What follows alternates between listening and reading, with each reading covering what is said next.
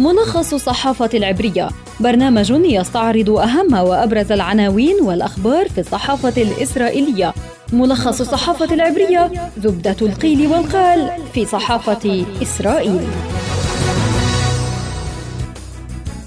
تحياتي لكم مستمعينا إليكم ملخص الصحافة العبرية يعده يقدمه لكم عبر شبكة أجيال الإذاعية خلدون البروذي وإليكم أبرز ما تناولت وسائل الإعلام العبرية صباح اليوم.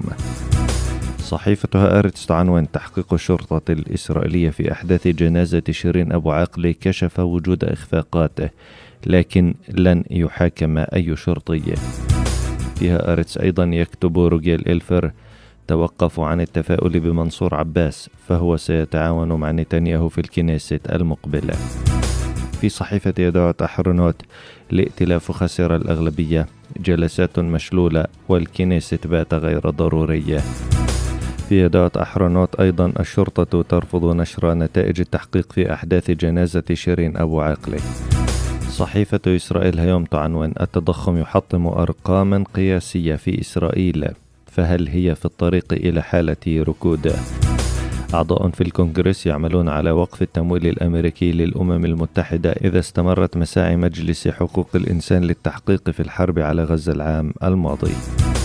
أما معاريف عنوان زيارة بايدن ستعمل على التقريب بين إسرائيل والسعودية. في موقع والا روسيا تحتج بشدة إثر القصف الإسرائيلي لمطار دمشق.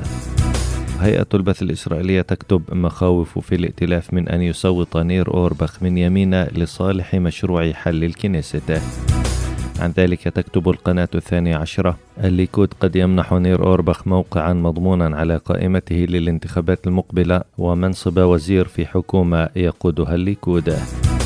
في القناة الثالثة عشرة إحباط المزيد من الهجمات الإيرانية ضد إسرائيليين في تركيا والأرجنتين. قالت صحيفة هآرتس إن تحقيق الشرطة الإسرائيلية في أحداث جنازة شيرين أبو عقل كشف عن حدوث إخفاقات في أداء الشرطة وإدارتها للحدث حسب وصف الصحيفة. مع ذلك لن يحاكم أي قائد أو شرطي. ونقلت هآرتس عن مصادر لم تحددها قولها إن التقرير أشار إلى أنه رغم الحاجة لاستخدام القوة ضد حاملين عشرين أبو عقل كان بالإمكان تجنب ضربهم بالهراوات وأشارت هآرتس إلى أن قرار عدم محاكمة أو اتخاذ أي إجراء ضد قادة أو عناصر الشرطة الإسرائيلية اتخذ قبل الشروع بالتحقيق وكانت صحيفة إدارة أحرنوت ذكرت أن شرطة الاحتلال ترفض نشر نتائج التحقيق في الاعتداء الوحشي على جنازة شيرين أبو عاقلة مع تأكيد قادة في الشرطة على أن نتائج التحقيق لا تتضمن أي توصيات بمعاقبة عناصر الشرطة المشاركين في ضرب المشيعين. فيما يتعلق بالأزمة في الائتلاف الحكومي يبدو أن الليكود تمكن من تحقيق اختراق مع عضو الكنيسة نير أوربخ عن حزب يمين الذي يقوده نفتالي بينيت وحسب هيئة البث الإسرائيلية. في الائتلاف الحكومي يخشون من أن يصوت نير أوربخ الأربعاء المقبل لصالح مشروع قانون لحل الكنيست قد تقدمه المعارضة.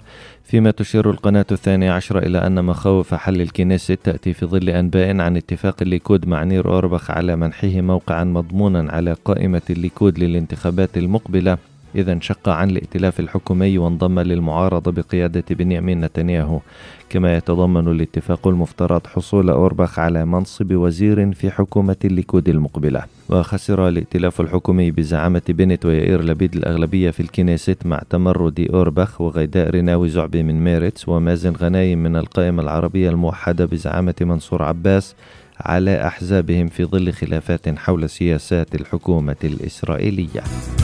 نهاية حلقتنا من ملخص الصحافة العبرية أعدها وقدمها لكم عبر شبكة أجيال الإذاعية خلدون البروثي نهاية أسبوع طيبة أتمنى لكم تحياتي وإلى اللقاء.